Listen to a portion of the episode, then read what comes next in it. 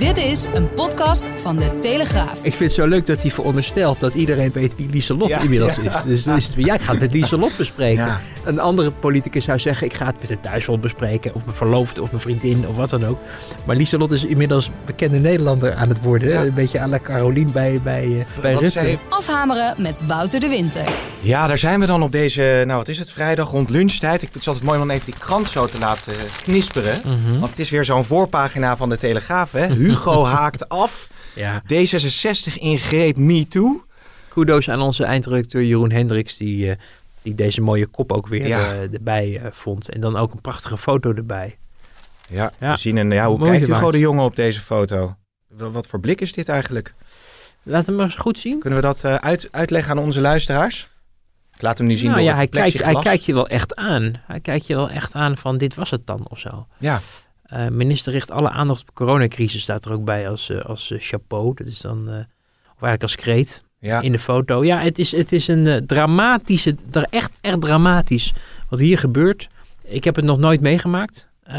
Ik kan me ook niet herinneren dat voordat ik 16 jaar geleden begon in Den Haag, je zo een ontknoping eigenlijk ziet van een lijsttrekker die gekozen is en toch ook van- natuurlijk vanwege de externe omstandigheid van die coronacrisis ehm, ja, de, de opdracht teruggeeft en daarmee een, zijn partij leiderloos achterlaat.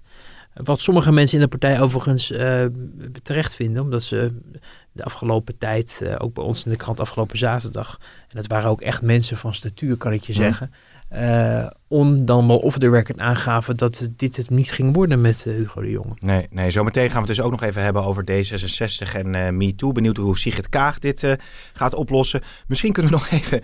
Maar ja, en al dit Linda de nieuws. Mol? Linda de Mol vandaag Nee, niet. Ik oh. dacht Annabel Nanninga uh, Eertmans op het strand. Hè, we- Oh, oké, oh, dat, is, dat is het, dat is een dat ludieke item van de leuke week. toetsje van vandaag. Maar Hm.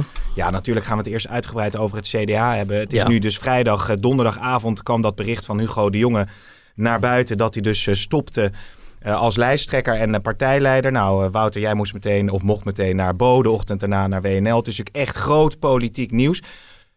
Even vanuit de persoon Hugo de Jonge, hè? Wa- Wat zou hij nou voelen? Opluchting? Misschien ook wel een beetje, beetje frustratie of woede? Nou, hij, hij, hij ontkende toen hij vanochtend, dus vrijdagochtend, naar de ministerraad liep, dat hij opgelucht was. Maar als je gisteren de beelden zag die van hem eh, werden eh, uitgezonden mm, in navolging van zijn eh, besluit, en hij een toelichting gaf, zag ik toch wel iemand die ook wel enige opluchting had. Omdat in ieder geval één zware last van hem afvalt, namelijk het partijleiderschap, maar ook alle drek die er de afgelopen tijd om die reden over hem heen werd uitgestort. Ehm, ook wel enige melancholie, emotie. Ik keek naar die ogen, dacht ze worden toch iets waterig. Eh, omdat het natuurlijk ook een droom is die uiteenspat. Hè? Als jij al, al je decennia lang inzet voor je politieke partij... en je bent politiek assistent geweest... en wethouder en minister en vicepremier notabene... vicepremier, toch echt een hele prominente plek... En, en je ziet dat die, die droom in duigen valt. Mm. Omdat er iets gebeurt waar je zelf geen invloed op hebt, maar waar je wel op wordt afgerekend, namelijk het managen van die coronacrisis. Ja, dan is dit natuurlijk ook een persoonlijk drama voor, voor iemand die, eh, als je echt serieus politiek bedrijft in Den Haag, dan is het leiderschap van je partij eh, toch de hoofdprijs. Ja, En die geef je nu vrijwillig op. Zometeen kunnen we, gaan we het ook nog even hebben over wat dit nou betekent. Of dit een gamechanger is in de aanloop naar de verkiezingen. Maar dat is inderdaad wel iets wat me intrigeert, eh, Wouter. Want kijk, Hugo de Jonge en Bob Hoekstra zijn natuurlijk twee ambitieuze, betrekkelijk jonge politici nog. Die, Ja. Die dromen van, van, van ja, het, het, het leiden van een partij, misschien wel premier worden, je weet het niet. En, en waar de een, eh, die deze week nog in JFK Magazine eh, stond, eh, geloof ik, Ja. uiteindelijk met het partijleiderschap er wellicht dan vandoor gaat. En misschien wel tot grote hoogte kan stijgen met het CDA. Is de man die de verantwoordelijkheid heeft gepakt. Eerst om dat ministerschap op, van corona op zich te nemen. Daarna de verantwoordelijkheid genomen om dat partijleiderschap op zich te nemen. Die zit nu in december, kort voor kerst, Ja. ja, met de verantwoordelijkheid voor het land. Maar zijn Ja. persoonlijke ambitie is Je- even opzij geschoven. Je verzint het eigenlijk niet. En je zou er wel een House of Cards ehm, eh, Nou. verhaal van kunnen maken. Want ehm, als je helemaal in de complotten gaat denken, dan is dit eigenlijk wel ja, het feit dat de partij nu een beroep op Hoekstra doet om leider te worden, is eigenlijk een uitgangspunt wat iedere leider graag wil. Ja. Hè? Het is natuurlijk heerlijk als er massaal wordt geroepen om je komst en dat jij degene bent die het moet doen. Dat je dan ook achteraf kan zeggen, ja, ik ben gevraagd, dus ik, ik heb mijn verantwoordelijkheid genomen daarvoor. Alleen, er is te weinig, want, want dit, met dit scenario hield ik natuurlijk ook wel een beetje rekening. En ik heb er zelfs nog in september een klein viziercolumn aan gewijd in de krant. Van eh, het zou eh, zomaar kunnen zijn dat we met het onmogelijke rekening moeten houden. En dat er alsnog een wissel komt voor de verkiezing. Alleen had ik hem dan in januari eh, eerder verwacht, omdat dan de kandidatenlijst moet worden ingeleverd. Maar het is december voor het CDA-congres nu. Maar ehm, het is wat dat betreft een scenario wat je wel zou kunnen verzinnen. Eh, alleen ja, navraag leert dat het dan toch echt niet zo heeft plaatsgevonden. Er is echt niet over nagedacht om het op deze manier te laten verlopen, gelukkig. Want het is natuurlijk wel dramatisch en, en voor Hugo de Jonge ook zeker niet leuk. En voor zijn partij de afgelopen maanden ook een, een helse tour geweest. Maar het is op zich natuurlijk voor een nieuwe leider wel fijn als de partij massaal om je komst roept. Ja, precies ja. Want uh, uiteindelijk, iedereen weet het inmiddels wel natuurlijk die politiek volgt. Maar voor Hugo de Jonge was het combineren van dat ministerschap met het partijleiderschap te veel. Ik, ik moet toch terugdenken aan, aan dat, dat nou, ik kan je inmiddels al van het beruchte filmpje spreken van uh, Rutger Ploem, de voorzitter, die Oh, ja. langsreed bij de, bij de mogelijke kandidaten. Eerst uh, parkeerde hij zijn auto uh, bij het ministerie van Financiën. Nou, daarna Ja. ging hij nog naar Volendam. Uh, Ja. uh, of ik weet even niet de chronologische volgorde, maar hij ging in ieder geval naar Mona Keizer. En het werd dus uiteindelijk Hugo de Jonge vanuit Rotterdam. Ja. Maar die, die Hoekstra, die, die heeft het toen niet gedaan. Daarna is die partij in, in, in nou ja, wat jij ook in de Telegraaf groot schreef zaterdag, toch ja, in, in, in een crisisje verzeild geraakt. In chaos even. En nu doet hij het dan alsnog. Was, was dat niet te vermijden geweest? Ja, als Hoekstra gelijk uh, op dag 1 zijn vinger omhoog had gestoken. Want maar je wat hoort... zou daar toen gebeurd zijn dan? Want, Nou ja, want hadden Hoekstra ze dat... keek naar die peilingen. Uh, die zag uh, wat er met die coronacrisis gebeurde. En die dacht, dit is nu niet mijn tijd. Hoekstra is natuurlijk wel ambitieus. En die wil graag ergens de baas van zijn. Van een ministerie of van een bedrijf. Of een voorname functie daarin bekleden. En um, de, van het land is natuurlijk ook een mooie plek. Alleen hij keek ook wel naar wat er gebeurde rond die coronacrisis en hoe uh, de populariteit van de minister-president van de VVD weer omhoog schoot. Hoe alles erop wees dat hij door zou gaan. En dat hij dacht, ja, dit is niet mijn tijd. Want als ik straks de tweede viool moet spelen en ik moet een partij gaan leiden, misschien moet ik wel de Tweede Kamer in en als Kamerlid functioneren, is toch iets heel anders dan uh, bestuurder zijn. Hè? Ja. Hij gooide het heel erg op dat hij zich meer een bestuurder voelde uh, dan een politicus. En een bestuurder kan je als premier misschien ook nog wel goed zijn, een minister zeker. Maar als politieke leider in de Tweede Kamer bijvoorbeeld, dat is wel uh, andere koek. Want dan mag je ook met, met, met ja, de recalcitrante uh, factoren in je partij lekker gaan overleggen. Ja. Dus dan, dan vindt de heer Ballin nog iets van de wereld. En de Ab Klink had ook nog ergens een mening over. En dan was ook nog uh, ergens bezorgd over. En al die andere sterren uit het verleden. En je moet als politiek leider die, die mensen dan ook te woord staan. En daar heeft Sibrand Buma heel veel tijd in geïnvesteerd. En toen hij aantrad als leider. Dat uh, heeft veel energie gekost. Toen heeft hij, leek het wel even de rust bewaard, maar dat bleek uiteindelijk ook maar een, uh, een, een, een uh, dun, laagje, dun laagje chroom. Ja. want want ook in de nadagen van zijn leiderschap werd er al heel, werd er ook verschenen alweer brieven en um, bezorgdheid en boosheid. En begon de, asiel, de asielbezorgdheid uh, zich te roeren in de partij. En dan moest hij dat allemaal weer in goede banen leiden. Al dat gezeur in een partij moet een partijleider managen. Ja. Dat lukte Hugo de Jonge niet vanwege het feit dat hij die coronacrisis moest oplossen. Maar, maar Bobke Hoekstra heeft daar van meet af aan ook niet zoveel trek in gehad. Nee, nee. Maar nu wordt de druk wel heel hoog. En je mag wel, vind ik, veronderstellen dat als jij... Uh, je hebt je senatorschap aan de partij te danken. Je hebt je ministerschap van Financiën. Echt natuurlijk een, echt een fantastische baan voor een politicus die op landelijk niveau uh, aanwezig moet zijn. Uh, en de partij wil nu iets terug, namelijk uh, het leiden in moeilijke tijd.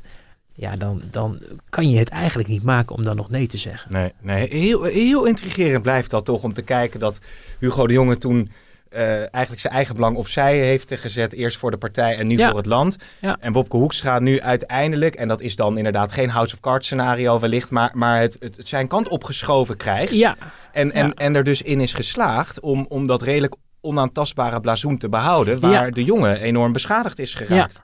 Nee, dat is zeker waar. Nu gaat er, eh, de verkiezingsstrijd barst echt los straks na de, na de eh, eh, kerstvakantie. En je moet er wel rekening mee houden dat dan ook Wopke Hoekstra de witte Ja. broodsweken snel van voorbij zijn. Want reken maar dat ze bij de VVD de mensen gaan slijpen om, om, om hem aan te vallen op het moment Ja. dat, dat hij het straks inderdaad gaat worden. Moet het overigens wel rekening mee houden dat op het moment dat we mensen dit luisteren, dat er al een beslissing is gevallen. Eh, het even thuis. Oh, nou, misschien, misschien dat we even, Wouter, sorry dat ik je onderbreek, maar even naar eh, Hoekstra zelf eh, kunnen luisteren, die vanochtend bij de inloop van de ministerraad als volgt reageerde. Ja, ik lees ook wat er tegen u gezegd wordt. Eh, ik lees ook de opvatting van een heleboel mensen, maar dat is nu niet het moment. Dus nu is het, nu is het echt het eh, moment om het te laten aan het CDA-bestuur. Eh, u begrijpt dat als er een vraag mijn kant uitkomt, da- dan zal ik dat ook met, eh met Lieslot moeten bespreken. Vindt u eigenlijk dat u drie maanden voor de verkiezingen? Dat zijn helpen. Ja, ik vind dat als het bestuur een, eh, een vraag voorlegt, dat ik daar dan over na moet denken. Ehm, eh, maar dat is niet voor nu hier eh, met u. Eh, ik begrijp dat u dat nu allemaal hier met mij wilt bespreken, maar dat is nu niet het moment. Ik, ik moet eigenlijk wel een beetje lachen. ja, Want, want dat reageren, het is net als een trainer die dan benaderd wordt door Barcelona Ja. en dan nog... al- Alsof er niks... Nee, er is toch wordt hier een toneelstukje opgevoerd. Dat, Maar wat dat- is het goede...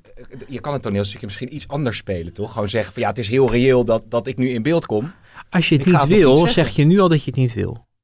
Nee, maar ook als je het wel wil, kun je toch ook zeggen... Want ja, ik begrijp Ja. dat u dit stelt en ik moet het even met mijn verloofde Nee, maar dat heeft hij overleggen. gisteravond al gedaan. Ja, Ja, het Lieselot. nou ja, en, en, en, en Hugo de Jonge heeft, gaf ook aan dat hij er toch al langer over twijfelde. Trouwens wel, mag ik even... Zij Wil je iets zeggen Maar, ik- ja, ik vind, het zo, Lieselot? ik, vind het wel, ik vind het wel zo leuk dat hij, dat hij steeds... Hij heeft heel vaak over Lieselot. Ja. Hè, en die mocht ook in Ivonie optreden. Ja, en, nou, de in, Ivonie zou nu nog enthousiaster over is, praten. ja, ongetwijfeld. Maar, maar ik vind het zo leuk dat hij veronderstelt dat iedereen dus ook weet wie Lieselot Ja, inmiddels ja. is. Dus dan is het weer, ja, ik ga het met Lieselot bespreken. Ja. En een, een, een andere politicus zou zeggen, ik ga het met de thuisfront bespreken. Of ik ga het met mijn vrouw, of mijn verloofde, of mijn vriendin, of wat dan ook.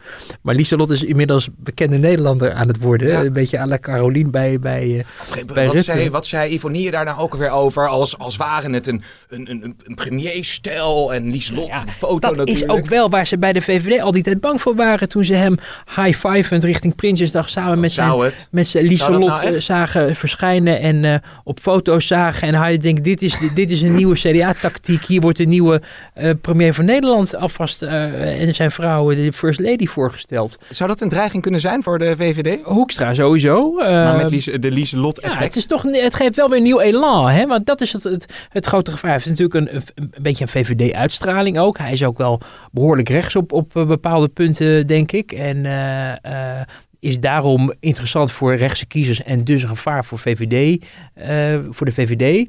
Ehm, maar ook het feit, en dat is wel iets wat je niet moet onderschatten, dat het een nieuw gezicht is. Hmm. Rutte zit er inmiddels al 13, 14 jaar aan de top van de VVD. Eh, Wilders draait ook al heel erg lang mee. Eh Vorm voor Democratie is natuurlijk niet zo goed gegaan. Ligt in de goot nu, drie, vier zetels in peilingen. Ehm, en dan is er ineens Wopke Hoekstra, iemand die eh, inmiddels ook als senator, voordat hij minister werd, al een tijdje rondloopt.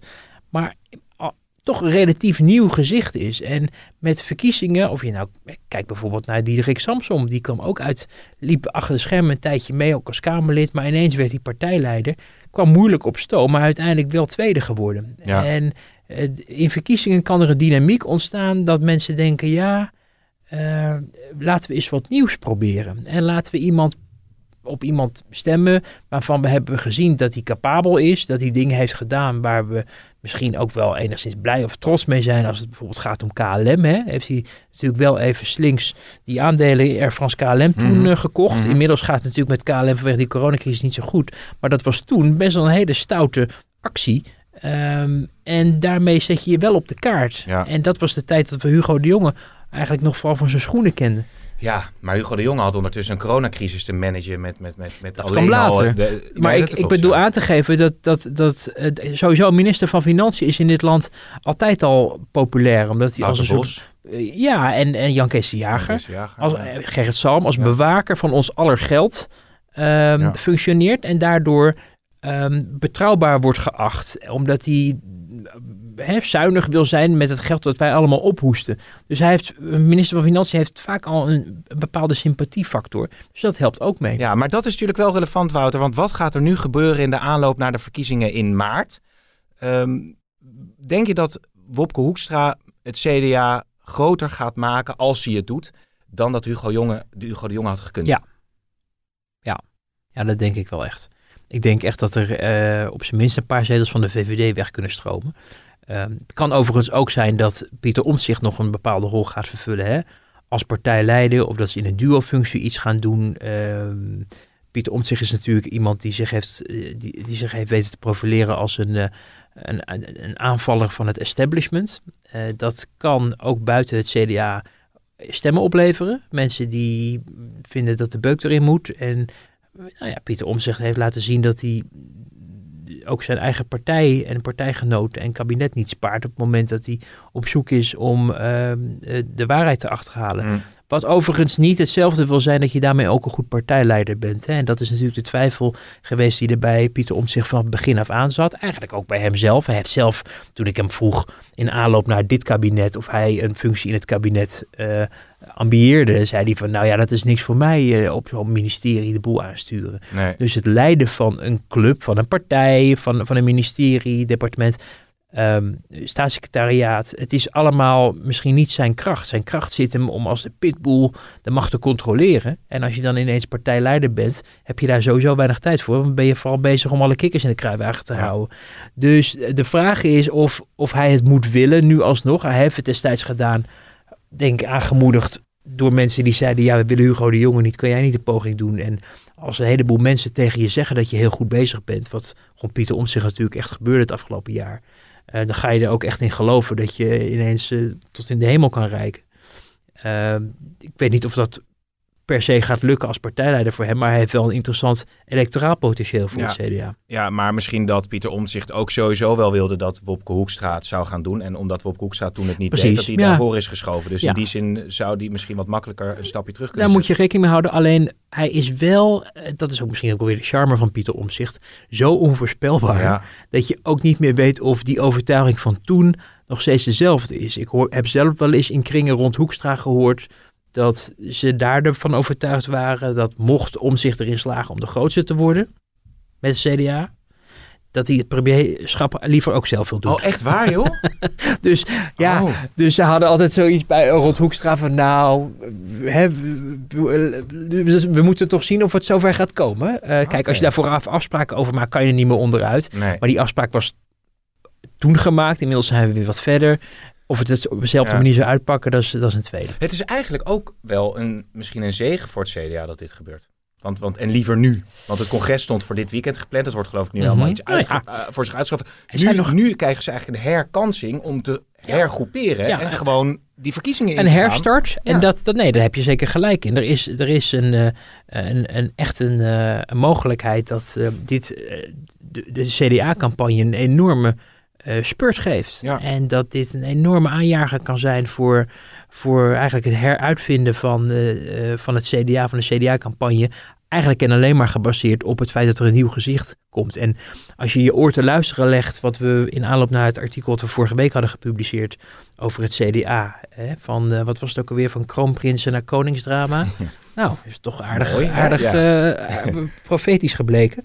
Eh, maar dat je, als je ook de, de oude getrouwen in het CDA vraagt van ja, wat zou het voor verschil maken dat ze zeggen, nou ja, eh, Wopke Hoekstra heeft uitstraling. Dat is eigenlijk zijn, zijn grootste, ondanks alles wat hij heeft gedaan als minister, maar zijn grootste asset is de uitstraling. Maar waar het aan het CDA aan ontbreekt, is een verhaal wat mensen echt bij het CDA weer Ja. laat landen. Zoals je dat vroeger in de verzuiling had, dat mensen met geloofsachtergrond, eh, christelijke geloofsachtergrond, daar min of meer vanzelfsprekend bij terechtkwamen. Dat is door die ontzuiling is dat weggeslagen. En dat verhaal beklijft niet. Dus je moet een verhaal eh, vinden, waardoor mensen denken, we moeten, voelen ons goed bij het CDA. Nou zoekt het CDA al heel erg lang naar, hè.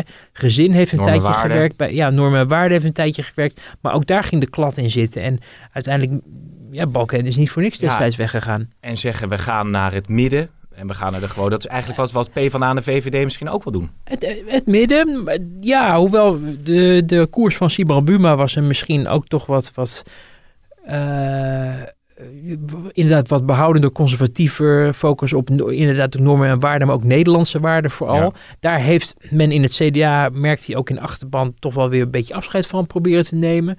Dus dat CDA is al heel lang op zoek naar een nieuw verhaal. En dat nieuwe verhaal, dat blijft zoeken. En je kan dus het poppetje wel vervangen, maar dat verhaal, Ja. dat blijft nog steeds eh, ja, wat onduidelijk. En daar mo- moet men ook de komende tijd, ehm, ik weet niet of het lukt, weer zichzelf heruitvinden. Ehm, de eerlijkheid gebied wel te zeggen is dat er, als er verkiezingen zijn, de meeste kiezers niet eh, even lekker op een zondagmiddag het CDA-verkiezingsprogramma en Nee. de VVD en het SP-programma en dat gaan lezen en op basis daarvan hun stem eh, baseren. Nee, dat doen ze op basis van toch debatten, mediaberichten en zo. Ja. Het wordt ongemeen eh, interessant. We moeten dit onderwerp eh, een beetje laten rusten. Want we gaan. We Hoewel, het is wel een, een week waar we bonusminuten, vind ik, mogen Ja, aanspreken. ja, hoor. ja. Mensen slapen nog niet, dus we gaan gewoon door. Ja. Jongen, jongen zeg. Ik moet het echt even verwerken allemaal gewoon. nou, gisteren was wel echt, dat was wel echt ongelooflijk. Ja, want jij kreeg dat, dat, dat, dat bericht van de jongen zelf. Eh, dat, dat werd naar buiten gebracht. Ja, Waar was je toen je het hoorde? Dat nou, ik was me aan het scheren. Echt waar? ja, Want? nou, ik zou, ik zou, je naar boven ging. Ik zou even naar boven vanwege die andere kwestie. Ja. Dat is inderdaad misschien wel een mooi bruggetje. Namelijk bij D66 en wat daar is. Dus dan scheer jij je s'avonds ook nog eventjes. Ja, eh, voor, voor je, dat had ik die dag nog niet gedaan namelijk. Dus ik denk, ja, dan was je aan het scheren. en, dan, en dan pak jij je telefoon. allemaal? Eh, en, en toen zag ik het. Denk ik, oh shit, nu moet ik me snel scheren. Want ik moet nu gaan bellen met mensen Ja. om te horen wat daar in vredesnaam is gebeurd. En toen, nou ja, had ik dus ook weer bloed en zo. Nou, nu En- wordt het al iets gedetailleerd. Dus dat was allemaal, dat was stress. En, maar vervolgens ga je iedereen bellen en uiteindelijk krijg je wat mensen Stuurt die pakken nog een appje meteen. Ja, Ik stuurde geloof ik BAM.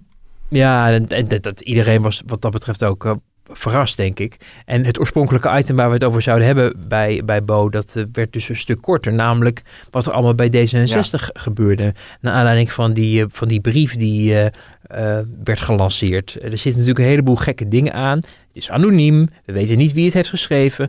En waarom het op dat schrijversplatform Write- Ja. of zo terecht kwam. Waarom het niet ergens in een krant of in een opiniepagina. Nou, misschien omdat men het toch te riskant vond om iets af te drukken wat anoniem was. Ehm, en ook de timing, hè? iets wat eh, een paar jaar geleden is gebeurd. Het voorbeeld wordt aangehaald van een meneer die daar dan een, een, een, oud, een, ja, een, een liefde van hem die er geen zin meer in had, heeft opgesloten in het partijkantoor. Dat was dan de bureaumanager van D66. Hij zelf was dan voorzitter van de talentencommissie, die dus bekijkt wie er op de kandidatenlijsten moeten, bijvoorbeeld voor de Tweede Kamer, maar ook op andere plekken. Een machtige persoon dus, iemand die een carrière kan maken of breken, die mensen naar voren kan schuiven, maar ze ook van lijsten af kan houden. Ja. Eh, nou, in die brief lees je dus allerlei zaken waar, nou ja, werd gesuggereerd dat hij van die eh, machtspositie misbruik heeft gemaakt en, daar, en van vrouwen bepaalde dingen verlangde in ruil, die vrouw die hij dan leuk vond. Eh, sommige mensen eh, zeggen daar niks van gemerkt te hebben. Eh anderen wel. Het verhaal dat er iets is gebeurd daar rond het, het opsluiten en dat er een incident is geweest, dat is gewoon aan alle kanten bevestigd. Ook door Sigrid Kaag, maar ook van de mensen die destijds aan de touwtjes Ja, trokken. ja want, want om dat even samen te vatten, we maken nu de overstap inderdaad naar D66 in de greep van MeToo. Sigrid Kaag die trekt natuurlijk nu de kar bij eh, D66 en is eigenlijk is eerder al eh, volgens mij op de hoogte gesteld van er was in het verleden een situatie waarin geschikt is eh, tussen eh, de persoon waar wij het over hebben. Ik weet eigenlijk helemaal niet of wij, of wij ze hem bij naam gewoon kunnen noemen of niet. Misschien moeten we dat niet doen. Ik weet, ik, dat weet ik niet. Nou ja, die Frans van. Drimmelen is, is gewoon, dat is inmiddels duidelijk. Ja, precies. Die, die, set, die situatie die jij beschrijft, daar is Ja. over gesproken toen der tijd. En het was volgens mij, als ik het, als ik het goed heb gelezen, een beetje case closed gevoelsmatig. Ja. Kaag die gaat die partij trekken, die wordt daar misschien van op de hoogte zat. Er speelde toen iets, maar het was eigenlijk, het is altijd blijven etteren. En dat is ontploft door die. Ja, eh, en je weet dus niet wat zij, zij heeft gehoord dat er een, een lijk in, was vroeg naar lijken in de kast. Er was Ja. één lijk in de kast, dat was dit. Een incident. Maar wat het incident nou was, ja, zij weet dat inmiddels wel, maar heeft ze dat toen naar gevraagd? Precies. Wat heeft ze naar gevraagd? Heeft ze gevraagd om wie het ging? Wat er met die mensen gebeurd is? Welk onderzoek? Welke consequentie? Daar vind ik haar niet transparant in. Er wordt ook wel Nee. gezegd dat zij... Er wordt beweerd dat, dat die meneer heel close ook met haar is. Mhm. Nu hoor je in de partij van echt kopstukken die zeggen van... nou, die, die Frans die doet zich wel vaker voor naar de buitenwereld... als iemand die heel veel invloed heeft, maar dat valt allemaal wel mee... Maar als je dan aan Sigrid K. vraagt van ja, wat is dan je precies je verstandhouding met hem? Ja, ze kent hem, en, maar meer wil ze er ook niet over zeggen. Nee. Dat vind ik niet heel erg bemoedigend, want ehm, mijn indruk is wel dat hij een, een, wat grotere invloed heeft dan dat hij alleen Ja. de postbus komt legen Ja. eh, elke week op het partijkantoor. Dus, Want hij had geen officiële functie meer Nee. sinds die incidenten. en daar, worden ze, worden ze, daar wordt het ook een beetje aan opgehangen nu, dat hij geen formele rol heeft. Mm. Maar in een politieke partij, zeker in de aanloop naar verkiezingen, eh, is er een hele grote groep mensen. Bij elke partij is dat die echt invloed heeft op van alles en nog wat. En het oor heeft eh, ook van eh, lijsttrekkers. Of dat bij hem zo is, dat is moeilijk vast te stellen. Hij heeft dingen voor Pechtold gedaan, ook in het verleden. Hij heeft ook dingen voor Van Engelshoven gedaan. Toen zij wethouder was, de huidige minister, oud-partijvoorzitter en toenmalig wethouder Mhm. in, in, in Den Haag. eh, begrijpen wij inmiddels. Dus het is iemand die wel degelijk actief is geweest en die mensen ook kende. En, en ook dus invloed heeft gehad. En de vraag is dus in hoeverre Kaag eh, zich heeft laten beïnvloeden of met hem optrok. Terwijl ze dan zou moeten hebben geweten dat er aan hem wat kleefde uit het verleden. Ja, ja, ja, precies. En wat natuurlijk extra saillant is, is dat D66 toch een partij is die Ja. juist opkomt voor vrouwen, Daarom, voor emancipatie. ja. Nota bene eerder deze week nog opheffen rondom Sigrid Kaag vanwege een post die ze had geplaatst over ja, dat ze Oh ja, drie Haar universiteiten moeilijke geloof ik, keuzes. moest, ja, eh, moest ja, ja. Oh, daar hebben we nog niet eens tijd voor om dat eens tijd allemaal voor. te bespreken. Maar, en dat ze ook nog eh, eh, hè, daarin toch gesteund was door geloof ik een andere vrouw of juist niet. Nou ja, goed, pin me even Nou, niet was, het was, het was een, een, een vertelsel wat in het Financiële Dagblad stond, wat is uitgelicht door haar zelf verspreid is eh, via Instagram en waardoor je een beeld kreeg van een, iemand die eh, toch als vrouw moeilijke keuze moest maken. En dan was het kiezen tussen welke topuniversiteit ga je naartoe. ja. En dat, dat is natuurlijk heel onhandig voor een eh, lijsttrekker die al een elitair imago heeft en er juist in moet slagen om andere mensen die zich niet tot de elite wanen, eh, te winnen om op haar partij te stemmen. Ja, En dat, en dat was dus een hele onhandige post. En dan eh, ja, probeer ze dat bij D66 weer een beetje goed te praten. Maar dat helpt natuurlijk allemaal niet. Eh, en dat is wel een probleem. Wat, ook heel, wat mij ook erg opviel in die post is dat het vrouw zijn heel erg benadrukt werd. Terwijl ik intern ook niet van de eerste de beste bij D66 hoorde dat zij expliciet zelf heeft aangegeven dat ze geen campagne wil voeren vanwege het feit dat ze vrouw is. Ze zegt ik wil het op mijn capaciteiten doen Mhm. lijkt mij een uitstekend uitgangspunt. Maar in die post kwam wel weer heel erg die vrouwenkaart naar voren. Ja. Dus dan heb je wel het idee dat men, misschien ook dat zij dat zelf, maar ook misschien in haar omgeving, men zich aan het realiseren is dat het op basis van de huidige koers niet heel erg goed gaat bij D66. En dat dus ook daar het roer om moet. En dat je moet zoeken naar andere manieren om jezelf te profileren. Ja, zeer boeiend. Je had ook nog een, eh, een, ja, een van je vele eh, opinies, analyses eh, geschreven over ehm, eh, de politieke partij, misschien de mores vanuit vroeger. Dat er altijd wel dingen kunnen spelen met die mastodonten, die belangrijke mensen. Maar Ja. dat ze eigenlijk met elkaar op het bankje zitten. En, en Ja. dat dat blijkbaar dus gedoogd wordt. Dat er, dat Ja. niet afstand van wordt En, genomen. en dat is dus een hele lastige, hè? want jou, je, je ziet ook her en der ook wel wat kritiek over eh, hè, de parlementaire journalistiek wist het allemaal en hebben het allemaal onder het tapijt geveegd. Eh, dat is niet waar. Je hoort in dit werk, maar dat hoor je denk ik in elk bedrijf, hoor je geruchten eh, over zaken. Eh, je, je, je probeert erachter te komen of geruchten kloppen. Soms lukt dat, soms lukt dat niet. Wanneer het lukt, bijvoorbeeld bij een, als er aangifte gedaan wordt, Mhm. Hè, dat hebben we een paar keer eh, gehad en daar hebben we dan ook eh, in de krant en op onze site verslag van gedaan. Maar op basis van een, een simpel gerucht is het lastig om grote conclusies te trekken. Eh, tenzij er bijvoorbeeld breed over ge- ge- geroddeld wordt, gesproken wordt en het het functioneren van iemand gaat eh, belemmeren. Wat hebben we bijvoorbeeld bij Alexander Pechtold gezien? Dat de stroom met berichten eh, zo Mm. groot werd en op een gegeven moment ook zijn zijn, zijn lover dan, met wie hij dan een verhouding had een paar jaar, zichzelf terugtrok uit Ja. D66. En dat, ja, toen begon er iets te smeulen. En toen is er ook over geschreven her en der. En dan kan je er op een gegeven moment niet meer omheen, omdat je merkt dat het, dat het ook het functioneren van de partij, omdat er over gepraat wordt, ook in de partij, ook in de Kamer, gaat raken. Eh, maar er is in het verleden bij een heleboel partijen, en echt niet alleen bij D66, maar van alles voorgevallen. Van mensen die zich, eh, en dat is echt 20 jaar, ge- 30 jaar geleden, die op de voorzittersstoel dingen Nou. deden met een, met een liefje. Eh, er zijn matrassen versleept op eh, het fractieweekend van de Partij van de Arbeid. Ehm, er is een, zoals dat destijds, denk ik ook in bedrijven, en denk bijvoorbeeld ook aan Hilversum. Nou, niet bij de de, Telegraaf hoor. de Go- nou, ook hier. De Gooise, de Gooise matras is natuurlijk niet voor niks bedacht, die uitdrukking. Eh, er was een, een tijd in Nederland waarin mannen en vrouwen op een andere manier met elkaar omgingen. Ja. En de, vooral mannen op een andere manier met vrouwen omgingen. Waar nu, denk gelukkig, eh, door MeToo wel een, een halt aan is toegeroepen. Maar wat wel gewoon de realiteit was. En het is niet zo dat dat altijd onvrijwillig gebeurde. Het gebeurde ook met wederzijdse instemming, hoorde ik. Hoorde ik de afgelopen 24 uur ook nog eens, ook bij D66.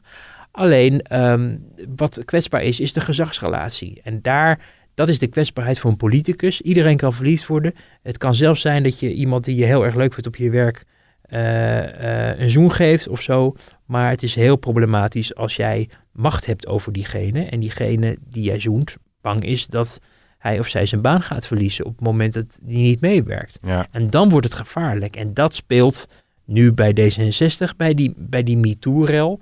Eh, er is in de Kamer ook wel sprake geweest van moeten we niet een soort MeToo-commissie inschakelen om alle eh, dingen uit het verleden die zijn, verkeerd zijn gegaan bespreekbaar te maken en op te helderen. Maar daar, daar werd, kreeg men in de Kamer de handen niet voor op elkaar. Dus er zijn wel vertrouwenspersonen toen eh, ingeschakeld, die eh, een aantal, vijf fracties of zo, dat je je kan melden als je dingen vindt die niet door de beugel kunnen. Mhm. Maar er wordt niet een soort waarheidscommissie, doe mij een beetje uit Zuid-Afrika denken, waarin alle drek en moeilijkheden van vroeger nog eens boven tafel komen. Nee, nee, overigens goed om te vermelden dat Frans van eh Drimmelen zelf zegt, hè, een anoniem artikel schetst een situatie, Daarom, daarom, waarin ik ja. mij absoluut niet herken. Ja. Wordt allemaal vervolgd, maar als je nu eh, bedenkt dat die verkiezingen er in maart aankomen, nou, dat, dan, dan wordt het nog een hele spannende kluif voor Kaag om, om D66, nou zeg het is, richting de 15, 20 zetels te loodsen. Nou, ze krijgt hulp uit verwachte hoek, want de publieke omroep zendt eh, begin januari Ja. een documentaire uit over ja. eh, deze minister die toch van eh Beirut tot het Binnenhof of zo. En dat, ja, dat verbaast dan ook wel weer hoe dat ook in Hilversum gaat. We hebben het eerder gezien met GroenLinks. Hè. Jesse Klaver moest toen premier worden van Hilversum. Dat Ja. is eh, toch iets anders uitgepakt. Heel veel gedoe over gekomen natuurlijk. Ja. En, en nu is het kennelijk de beurt aan eh, Sigrid Kaag, waarin in de inleiding of de aankondiging van die documentaire al geschreven wordt dat zij ook wel minister van hoop genoemd wordt, Sigrid Kaag. En dan had ik daar contact over met iemand in Den Haag die zich afvroeg van door wie is dat dan geweest, hè, dat ze zo genoemd werd. Dus dan ga je googlen en dan kom je erop uit dat zij... Mag ik raden? Margriet van der Linden of niet? N- Nee, Oh, nee, zij zelf. nee, maar wie Eh, haar zo betitelt? Nou, zij zelf. Oh, zij zelf? Dat is wat, waar, waar wij uit, uitkwamen. Oh. Eh, ze heeft bij Buitenhof op een gegeven moment gezegd... ik word ook wel minister van Hoop genoemd. Oh nee. En vervolgens heeft D66 dat getwitterd. Sigrid Kaag, dubbele punt, ik word ook wel minister van Hoop genoemd. En kennelijk heeft de documentairemaakster dat ook eh, gelezen. En zich ja, kennelijk ehm, laten verleiden om aan te nemen... dat mensen massaal over Sigrid Kaag spraken als de minister van Hoop. Misschien is iets aan onze aandacht ontsnapt hoor. En er stonden er duizenden bloemenmeisjes langs de weg om te roepen... hier is de minister van Hoop. Maar we, heb- we hebben het niet kunnen vinden vooralsnog. En ehm, nou ja, als iemand zich al op die manier uitdrukt over het onderwerp waar hij een documentaire over maakt, dan belooft het natuurlijk weinig eh, goeds qua objectiviteit. Ik begrijp wel dat er in Hilversum der wel, wel wat discussie is over of dit wel door moet gaan. Hè? Maar ja, het besluit is kennelijk al genomen om het uit te zenden. Ja. Eh, In en is- principe mag zo'n documentaire toch gemaakt worden als dat, als dat wordt aangeboden bij een omroep. En, eh, Tuurlijk, maar het is kwetsbaar om het dat dan vlak voor de verkiezingen uit te zenden. Hè? Net als we dat destijds hebben gezien bij eh, Jesse Klaver. Maar kwam dat niet vanuit GroenLinks hoek ook? Dat was gemaakt door een, door een ja, wat deed denken aan een campagne medewerker. Ehm, maar goed, als, zoals ik zeg, die, de inleiding voorspelt al weinig eh, goeds ehm, als het gaat om objectiviteit. We moeten het natuurlijk eerst nog zien. Ik snap het vanuit een programmamaker overigens wel. Een documentairemaker die wil natuurlijk het aanbieden. Net als er sommige columnisten zijn die graag boeken schrijven over politici. om die vervolgens vaak voor de verkiezingen uit te brengen. Ja. Omdat ze dan denken dat er momentum is en dat, er, eh, dat ze het kunnen verkopen. En, en dat geldt misschien ook voor een documentairemaker. Wat mooier is natuurlijk, is als je de documentaire pas na de verkiezingen uitzendt. Want dan weten we ook hoe het is afgelopen. Met al die prachtige Ja. vergezichten en eh, komst naar Den Haag.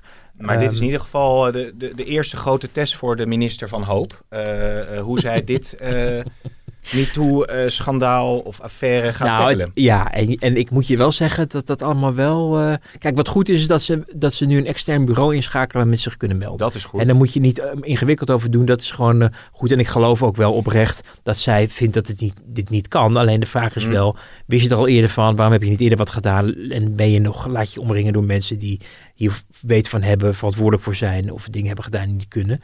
Dat moet de komende tijd worden opgelost. Eh, ik vond haar praatje gisteren naar aanleiding van de...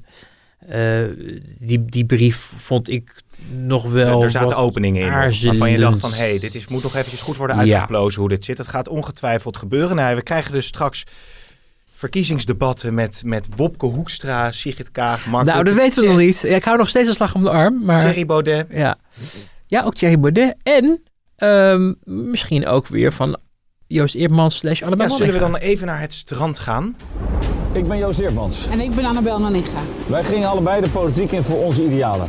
En omdat we iets willen klaarspelen. De kiezers wachten al zo lang op een redelijk rechtsgeluid. En die mensen en die idealen, die zijn er nog steeds. En daar willen wij ons voor gaan inzetten. Omdat er zoveel kiezers zijn die hun politiek thuis zoeken. Die hun stem gehoord willen hebben. En vooral die resultaat willen zien. Ja, en voor die mensen willen wij doorgaan. Wij willen meedoen aan de Tweede Kamerverkiezingen. Zo, Ja, dat was een, eh, dat, dat, daar moest ik trouwens ook alweer om lachen. Dan krijg je dus eerst een tweet van eh Eertmans en Nannega waarin staat 2021. ja 2021. Hashtag. Ja, ja. Dan wacht je een week. dan komt er een aankondiging op het strand die eigenlijk een vooraankondiging is. ja. En dan moeten we nu weer waarschijnlijk... ja je, je wil, als je iets van, van plan bent, wil je wel het, het, het vuurtje brandend houden. Ja. Hè? En die commotie rond Forum voor Democratie is eh, een beetje weer aan het weg hebben. En, en zij zijn natuurlijk alweer een tijdje uit beeld sinds ze hebben gezegd dat ze geen onderdeel meer van die club willen zijn. Eh, maar zij zien natuurlijk ook wel dat er niet zoveel tijd meer is. Namelijk eh, de half eh, december, geloof volgende week, moet je, Ja. eh, moet je aan eh, de kiezer gaan bekendmaken dat je mee wil doen met de, met de Tweede Kamerverkiezingen. En eh, dus er is haast bij. En moet je dus ook enthousiasme gaande houden. En dat kan dan bijvoorbeeld met cryptische filmpjes, waarin je met suspense probeert mensen toch aangehaakt te houden en geïnteresseerd te, te houden. Eh, dus ik denk dat het daarmee te maken heeft. Maar het is een eh, interessant initiatief, omdat het eigenlijk de, een beetje lijkt op de boedel, de politieke boedel dan van, van Forum, die Mm. zich eh, misschien alsnog in het verkiezingsgeweld gaat mengen. Maar, en dat wordt wel echt een moeilijke opgave, en dat geven ze zelf ook aan, dat je weer zo'n hele partijorganisatie op moet tuigen. Ook geld moet weer moet gaan verzamelen, dus fondsenwerving moet doen, maar ook vrijwilligers moet vinden, eh, handtekeningen moet ophalen in kiesdistricten om te zorgen dat je, dat je mee kan doen aan de verkiezingen. Ehm, en een coherent verkiezingsprogramma waarin mensen zich herkennen. Eh, je moet eh, mogelijke kandidaten gaan screenen, zien of ze wel inderdaad voornemens zijn om het met, met elkaar te doen in plaats van dat ze denken, zodra ik gekozen ben, opportunistisch zijn ga ik me lekker afsplitsen en doe ik lekker waar ik zelf zin in heb. Nou, kun je eigenlijk in, in drie, vier maanden wel een lijst samenstellen waarna achteraf, waarvan dan achteraf blijkt dat er bij een aantal toch weer iets aan de hand is. Het moet zelfs nog korter, want het moet in januari moet dus al worden ingeleverd, die kieslijst. Dus er is heel erg weinig tijd. Eh, je weet natuurlijk ook niet alles. Ik denk dat we veel mensen op die lijst zullen tegenkomen als hier komt van, van Forum, van de mensen die zijn weggegaan. Ja. Eh, maar dat zal ook haastwerk worden. En ook niet iedereen heb je daarvan tijd voor om die allemaal te screenen. Eh, dus dat wordt nog een hele kluif.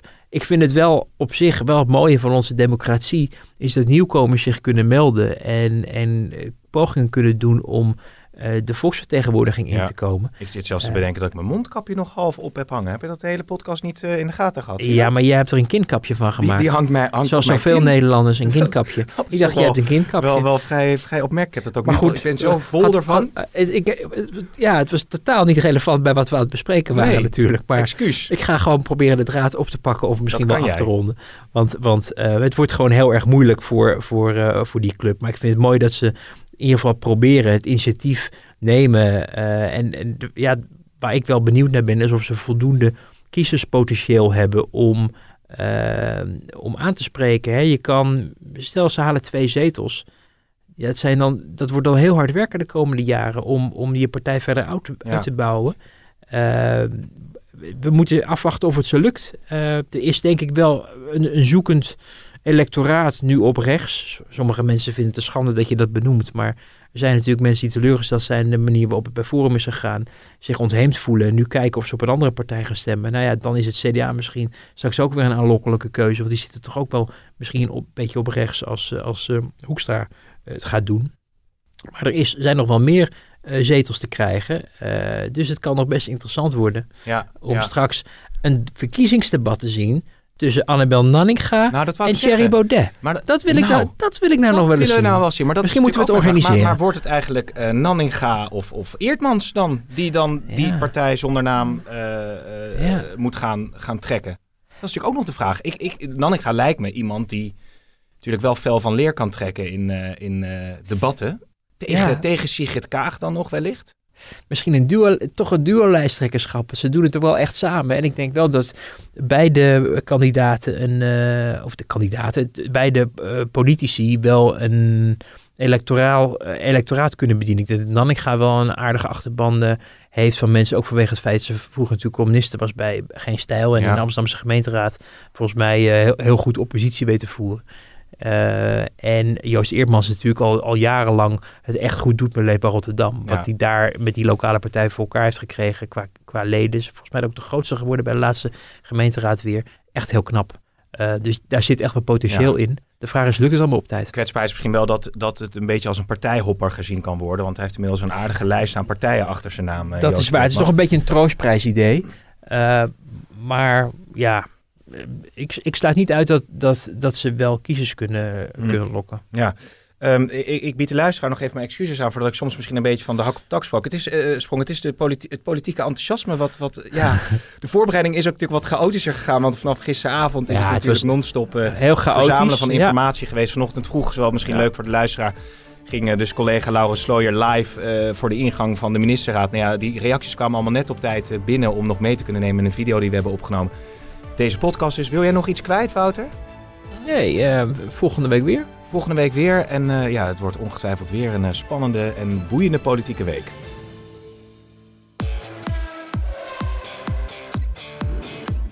Meer podcast luisteren? Probeer dan ook eens de Formule 1 podcast van de Telegraaf. Kom op, let's go. We Ja. gaan beginnen. Erik van Haren en Christian Albers praten je elke maandag na de Grand Prix bij over de belangrijkste ontwikkelingen in de Formule 1. Formule 1 is saai. Ja, ik vond het bijvoorbeeld dit weekend absoluut geen saaie race. Na afloop het ongeloof op de gezichten van de Mercedes-coureurs, Lewis Hamilton en Valtteri Bottas, toen ze naar hun eigen banden keken en die vergeleken met de staat van de banden van Verstappen. Met scherpe analyses van oud Formule 1-coureur Christian Albers Tuurlijk, ik was niet zo succesvol als Max Verstappen. Laten we dat eerlijk zijn. en het laatste nieuws door Erik van Haren, de Formule 1-volger van de Telegraaf. Je hoort veel geroeptoeten langs de zijlijn van ja, Max moet weg. En dan denk ik van ja, dat is allemaal makkelijk praten, maar hij zit bij het na beste team. En bij het beste team is geen stoeltje beschikbaar. Luister dus op de site en in de app van de Telegraaf of via je eigen favoriete podcastplayer.